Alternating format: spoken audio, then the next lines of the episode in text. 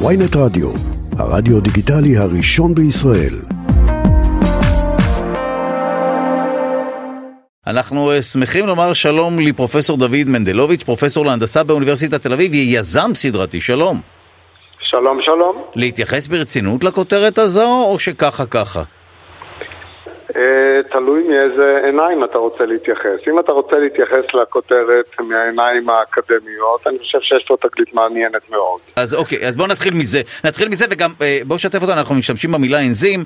אני, אני למדתי בשיעורי ביולוגיה שאנזים זה בסך הכל חלבון שהוא זרז, הוא קטליזטור של תהליכים. אז מה הקשר בין זה לבין אה, הפיכת אוויר לאנרגיה, או המרה? אוקיי, אז מדובר פה באיזושהי בקטריה.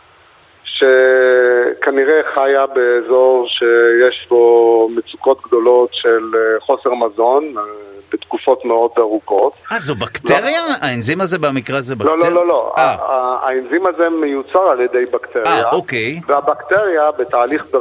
דרוויניסטי פיתחה איזושהי יכולת הישרדות בתקופות ארוכות שאין מזון והיא לא יכולה לקיים את עצמה, ומצאה שבאוויר יש אחד לעשרה מיליון מולקולות שהן מימן. מימן, כידוע, זו אה, מולקולה שאפשר להפיק ממנה אנרגיה, חשמלית או אחרת, ובאמצעות המעט מימן שהבקטריה הזו מפיקה, אנזים הספציפי שהתגלה באוניברסיטת מונש באוסטרליה, היא מצליחה לשרוד את התקופות הקשות שבהן אין לבקטריה הזו מזון. וואו, שוב אתה אומר אה, אחד ל, ל, להרבה מאוד, זאת אומרת יש מעט מאוד מולקולות ככל שאני מבין, לפי היחס שהצגת באוויר של מימן, ובכל זאת הן מנצלות את המעט הזה, ואותו מצליחות אה, להמיר לאנרגיה חשמלית.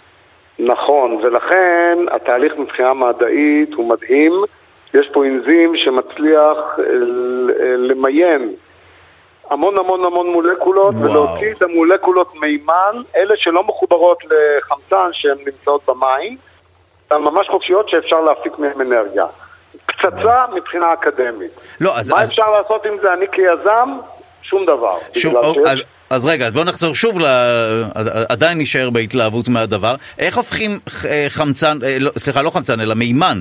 אנחנו מדברים על המרה של מימן לחשמל. איך עושים את הדבר הזה? גם, למרות שהנדירות... למשל, כן.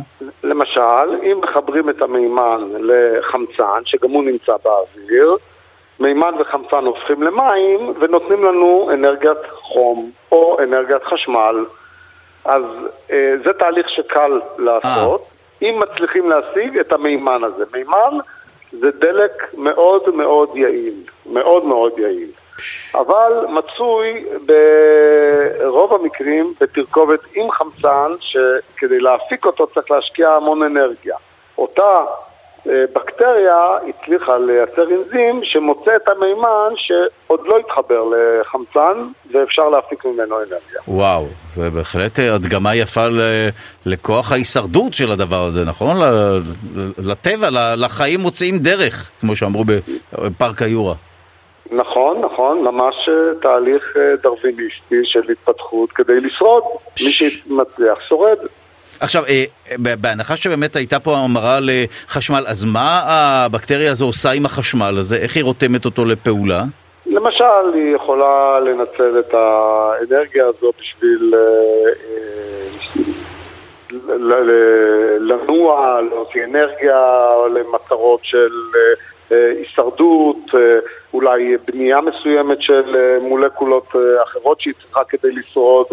נגיד הושחתו לה כמה מולקולות באיזה מקום אה, בבקטריה.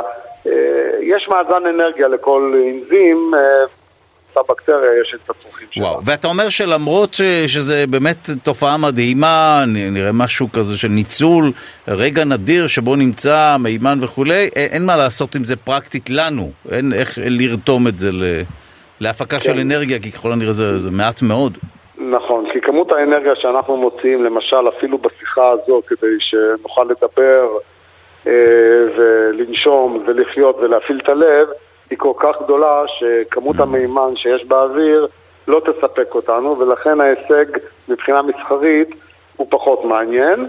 מבחינה מדעית אני חושב שיש לו הרבה ערך ומגיע כל הכבוד לחוקרים.